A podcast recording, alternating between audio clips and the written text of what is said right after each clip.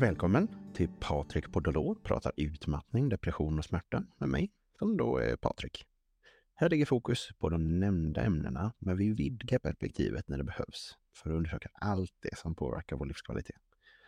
Jag vänder mig mest till dig där det är stressigare än önskvärt, som är tröttare och mer ledsen du vill vara och som vill ha en förändring. Kanske är du också en av dem som har ont.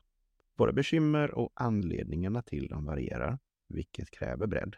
Så i varje avsnitt försöker jag hitta något som kan hjälpa dig genom ja, att reflektera kring och belysa något problem, förklara något koncept eller komma med någon hjälpsam insikt.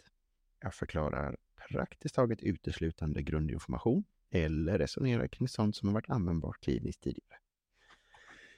Tanken är att jag ska kunna dela med mig av det som jag tar med mig från goda böcker, reflektioner eller rent av kundmöten, coaching och terapitimmar. Och härigenom kunna delge det till desto fler. Vi provar och så får vi se om jag kan hjälpa till med någon insikt.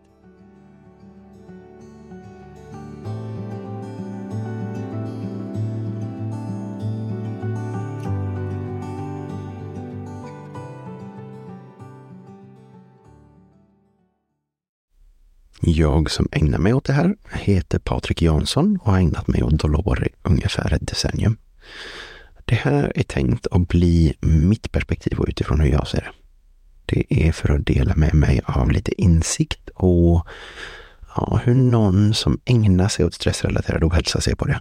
I hopp då om att hjälpa dig få lite annat perspektiv. Och förhoppningsvis kan det hjälpa dig framåt. Den stressrelaterade ohälsan mynnar ofta ut i både fysiska och psykiska bekymmer. Där jag ofta uttrycker det som stress, depression och långvarig smärta. Jag tänker mig att jag inom kort i följande avsnitt går in lite djupare på vad de olika bitarna är. Jag har sett min beskärda del av depression, långtidssmärta och allt eftersom åren gått även utmattningsproblematik. Det är absolut rimligt att säga att de flesta inte förtjänar det. Och de förtjänar verkligen inte den undermåliga hjälp man generellt får när det väl händer. Som oftast leder till att det inte blir bra. Jag tror på att människor behöver ta eget ansvar för sina liv. Men om det inte riktigt är ett alternativ för att man inte har en susning om hur så blir det fort svårare. Så jag försöker lära ut det. Hjälpa dem på vägen och putta dem i rätt riktning med verktyg de skulle kunna tänkas behöva ha på vägen tillbaka. För jag har sett och märkt att det är svårt. Man verkar inte heller få någon som knuffar och puttar på särskilt mycket inom det offentliga. Jag hoppas att det händer titt som tätt och att en del får den hjälp de behöver den vägen. Men utifrån det jag ser så är det verkligen inte bra nog. Så då försöker jag dra mitt strå till stacken. Och här är ytterligare ett, tänker jag. Men eh, från början. Mitt sikte på terapeut började när jag var liten och då tänkte jag någonstans i banorna med sjukgymnast som det hette då. Jag praktiskt taget växte upp på ett gym och lyfte skrot från unga tonår. Blev så småningom rätt så mycket så att det var nog inte ovanligt med 20 timmar i veckan titt som tätt. Och målsättningen blev att börja tävla i styrkelyft. Men när det väl närmar sig så, mm, ja, då var jag nog kanske inte så tävlingsinriktad trots att jag var rätt så drägligt duktig. Det desto mer intressanta var kanske kroppen då hur den tolererar, hur den anpassar sig efter vad den utsätts för och hur man kan ändra den. Så jag gick från massageterapeut och personlig tränare till universitetsstudier med kost och fysioterapeutkurser på Uppsala universitet. Det blev kurser i dry needling och gott om böcker över tid. På ungefär ett decennium med mottagning så fick jag ett hum om vad som fungerar. Men också vad som inte gör det allt eftersom så började det dyka upp mer och mer psykiska skäl till smärtor. Det kom mer besvär relaterat till annat än det rent fysiska, men de ville ha hjälp med bara kroppen, vilket var helt hopplöst. Är det en sticka i foten som gör ont så får man göra något åt stickan. Det går inte att behandla det som gör ont i foten utan att bry sig om stickan i fråga. Samma här. Och det verkade alldeles för svårt för folk att få hjälp med de bitarna. Så jag har sett hur utmattningssyndrom, depression och smärta som bara fortsätter och fortsätter har behandlats. Och ja, i alldeles för stor utsträckning så är det på ett sätt som knappt fungerar. Med det mesta jag ägnar mig åt så är mitt perspektiv att läkemedel är ett praktiskt hjälpmedel. Jag kan absolut vara en del av det hela, men det är inte den enda vägen. Med mycket av det jag ägnar mig åt så får man läkemedel inom vården. Bara läkemedel. Och det kan vara många läkemedel där man försöker plocka bort symptom efter symptom, men inte riktigt orsaken. Och ja, säg att man besväras av smärta. Ja, då blir det smärtlindring och muskelavslappnande. Men det kan bli antidepressiva, gabapentinoider, ångestdämpande, något att sova på, insulin, betablockerare och så vidare. Don efter person. Ibland utmärkta verktyg, men jag vill hjälpa till med grundproblemen med dem jag hjälper.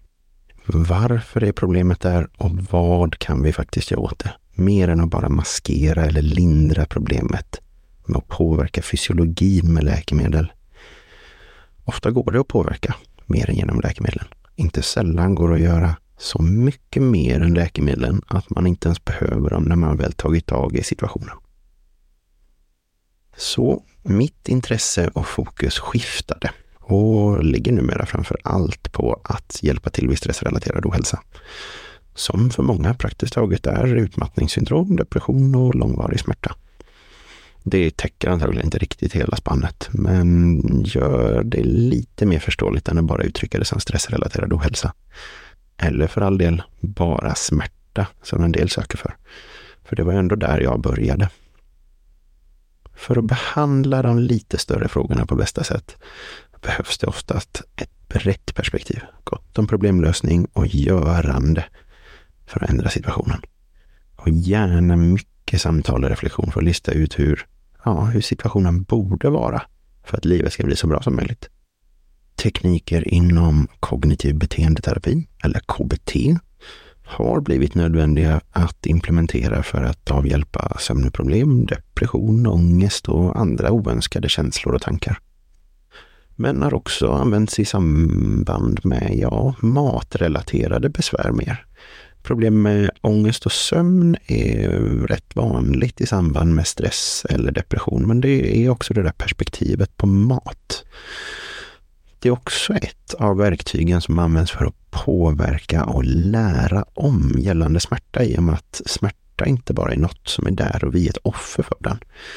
Det går att påverka och den är till stor del något som pågår i hjärnan. Som så mycket annat vi lär oss. Den frågeställningen är för många ganska obegriplig till att börja med och låter osannolik eller som helt mumbo jumbo för en del. Vill man få mer insikt där med en gång, som jag tycker är riktigt viktigt för dem med mycket smärta över lång tid, så är det en god idé att ta sig till hemsidan och skaffa sig en bok. Idag är det alldeles för få med mycket smärta som får utbildning och information om vad smärta faktiskt är. Passiva behandlingar av det rent fysiska med massage och eventuellt nålar använder jag fortfarande ibland för att påverka smärta. Praktiskt taget uteslutande tillsammans med personlig träning för att det ska bli bästa resultat. Skrivande har blivit en märkbar del av livet och det är väl nödvändigt för att det skulle kunna bli en hel bok då om utmattningssyndrom och depression och långvarig smärta. Och få med där hur jag tänker för att behandla det. Är du nyfiken på att behandla de bitarna så tycker jag att det är ett utmärkt ställe att börja. Den är skriven just för att man ska kunna få ett hum. Idag när man väldigt sällan kan få det. Ja, inom den där vården. På bloggen och hemsidan så finns det en del kunskap att läsa sig in på. På den engelska bloggen så hamnar det lite mer kunskap och reflektioner relaterat till livet och utmattning, depressivt och smärta. Och den svenska bloggen blir lite mer avslappnad där det blir mer relaterat till mat, mjöd, träd och gård. Men det kanske blir lite mer bloggande på svenska vad det lider också. Det här görs i stor utsträckning för att jag tänker att människor är värda bra nog vård när jag letar efter den. Det började i ena änden vid det rent fysiska och sen handlar det helt plötsligt om hela livet. För det verkar ofta behövas. Och när det behövs så finns det alldeles för sällan hjälp att få. Många av mina tidigare klienter har letat hjälp i vården innan de kommer till mig.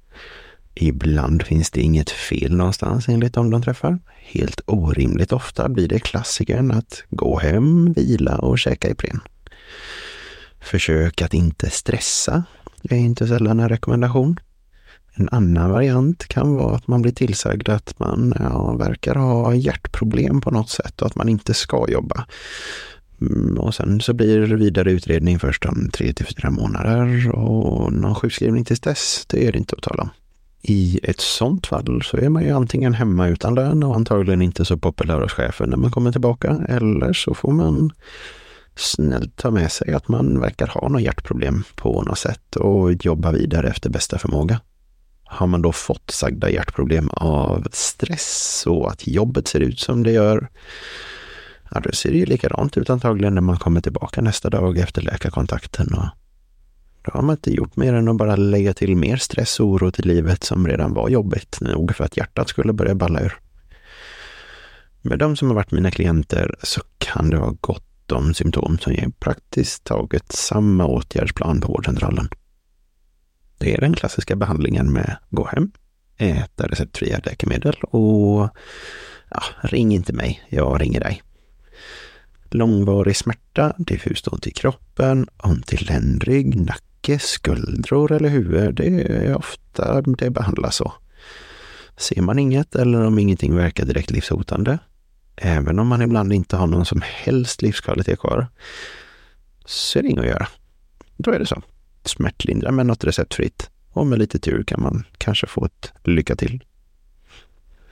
Depression och ångest är någonting vi ofta medicinerar för att minska symptomen av eller dölja.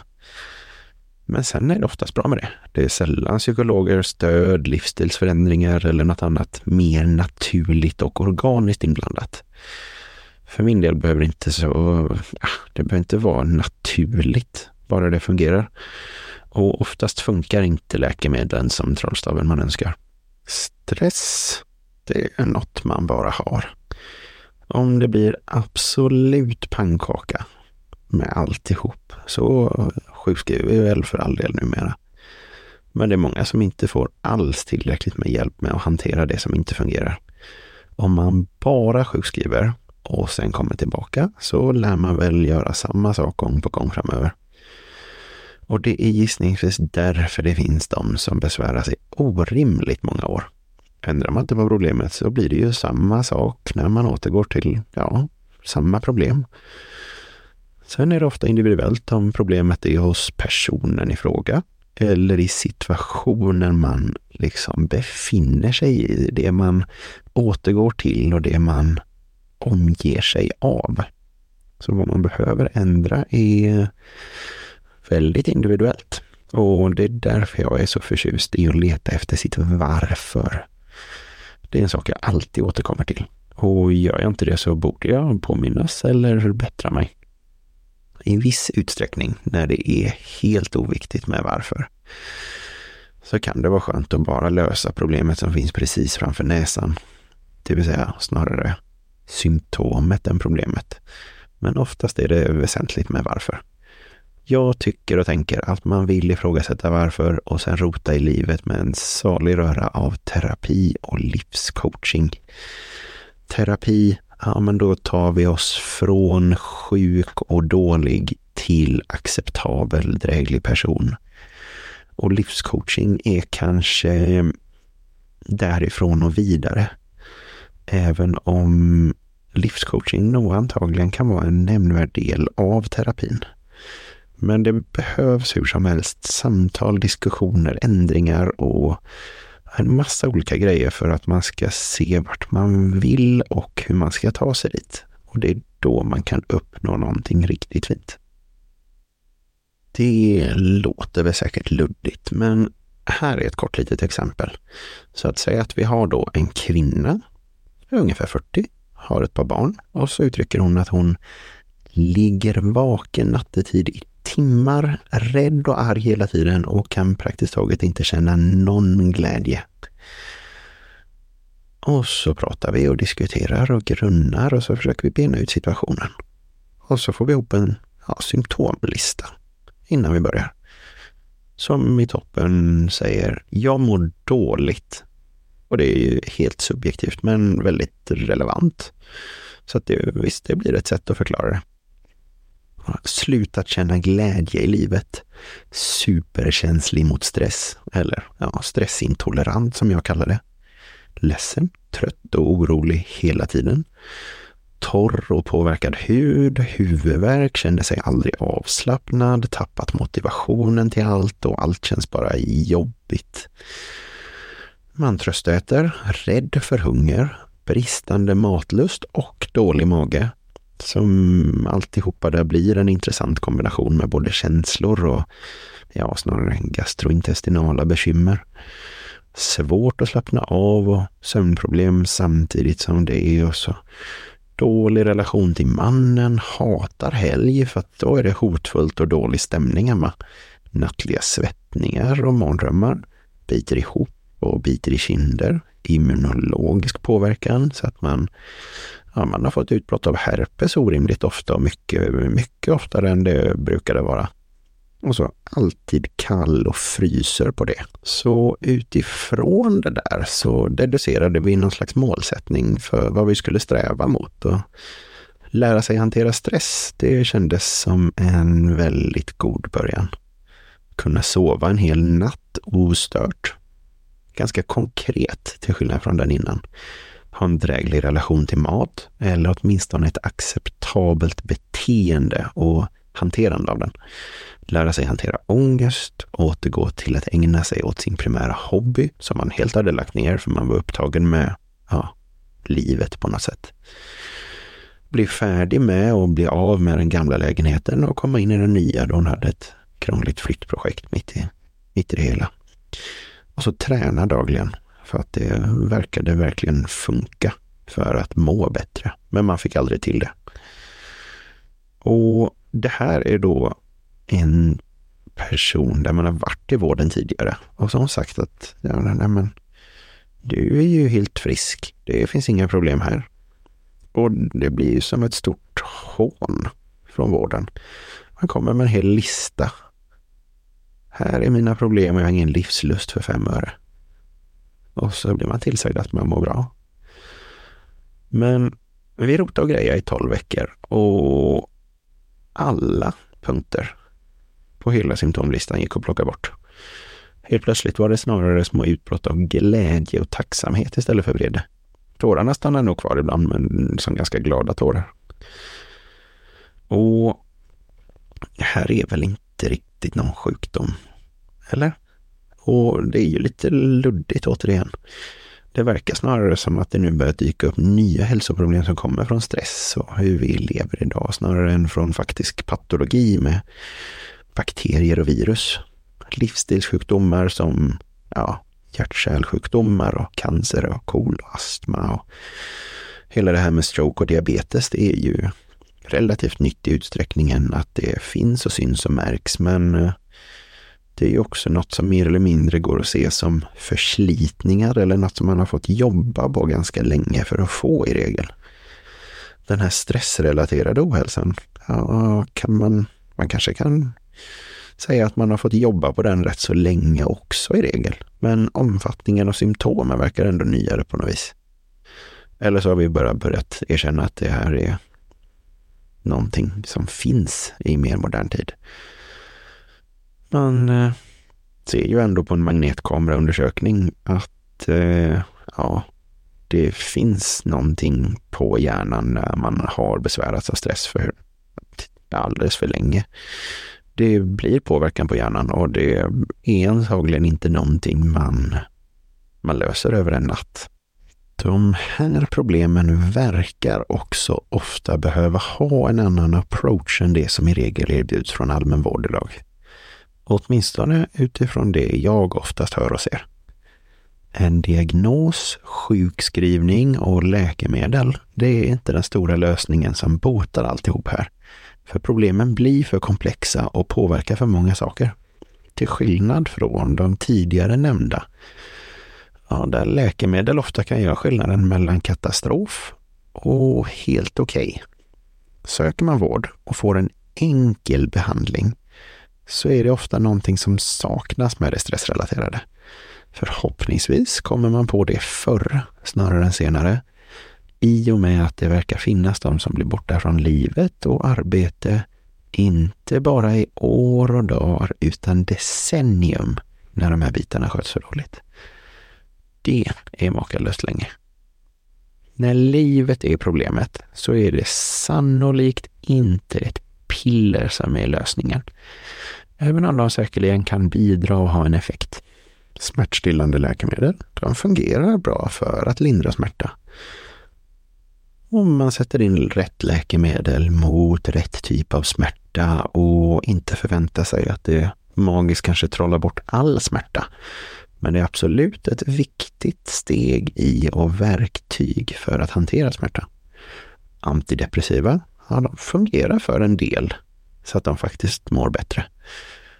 Lugnande och hjälpmedel för sömn, ja, det kan söva dig. Det får dig att komma ner i varv och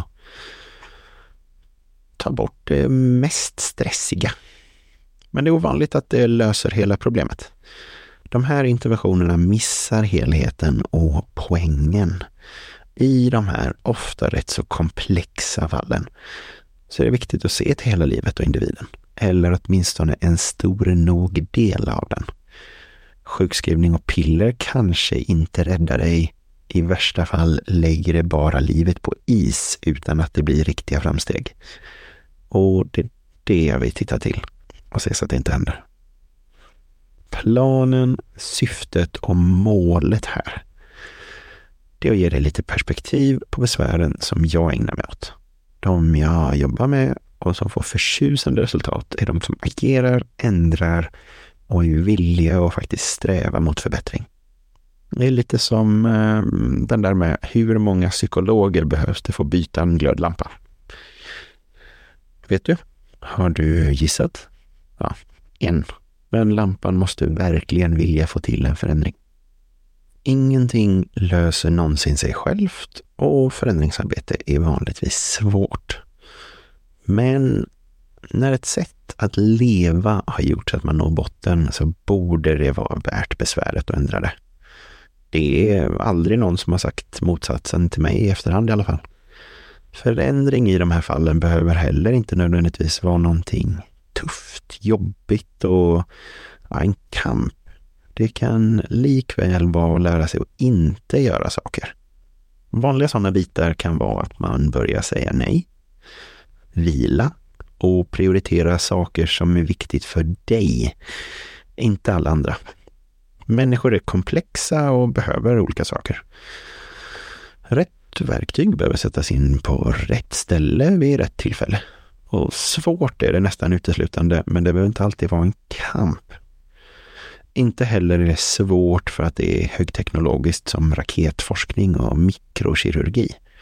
Kanske är det svårt för att frågeställningarna är många och diffusa.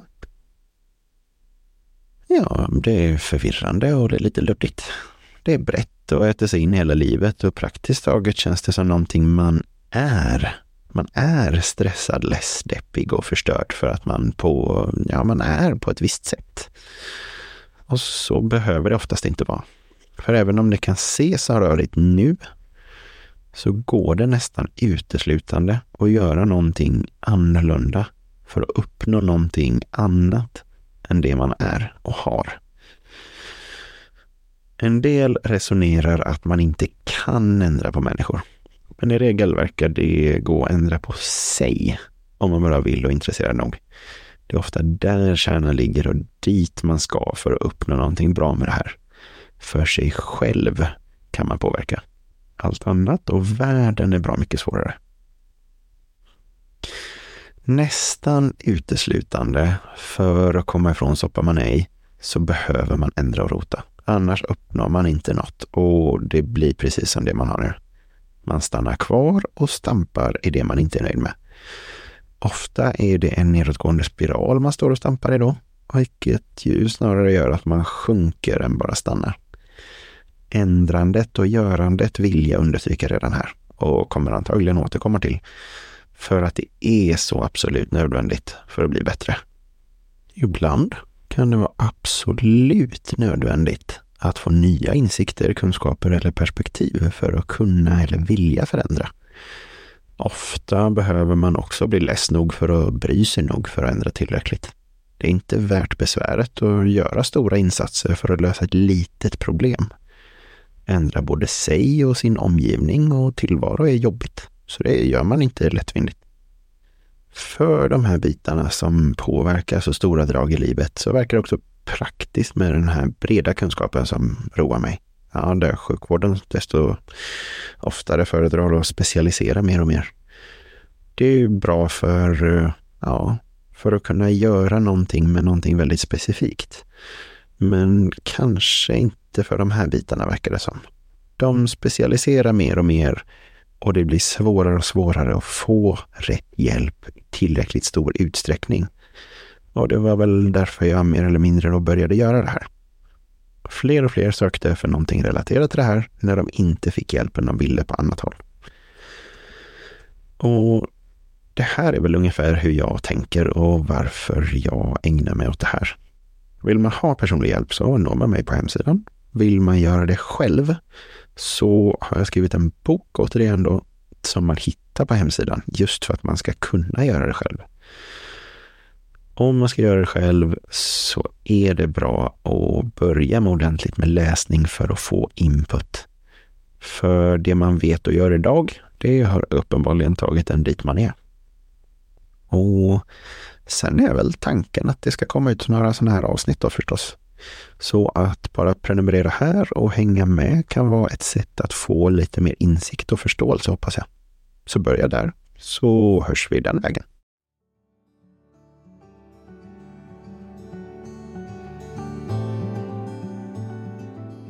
Tack för att du lyssnade. Om du gillade avsnittet så prenumerera gärna för att få dem som kommer härnäst och dela det med dina vänner som kan ha nytta av det jag har pratat om här. För personlig hjälp med coaching för utmattning, depression och eller långvarig smärta eller manuella terapier, träning och rehab så kan man nå mig genom eh, ja, dolor.se eller mbdolor.com som leder till samma hemsida. Där hittar du också onlineverktyg och min bok som går djupare in på utmattning, depression och smärta. Vill du se mer av det jag delar? Ja, men följ mig på sociala medier. Sök då på mbdolor eller Patrik Dolor på Facebook och Patrik Dolor på Instagram. Har du frågor eller ämnesförslag kan du mejla mig på patrik dolor.se. Ta hand om dig så hörs vi nästa gång.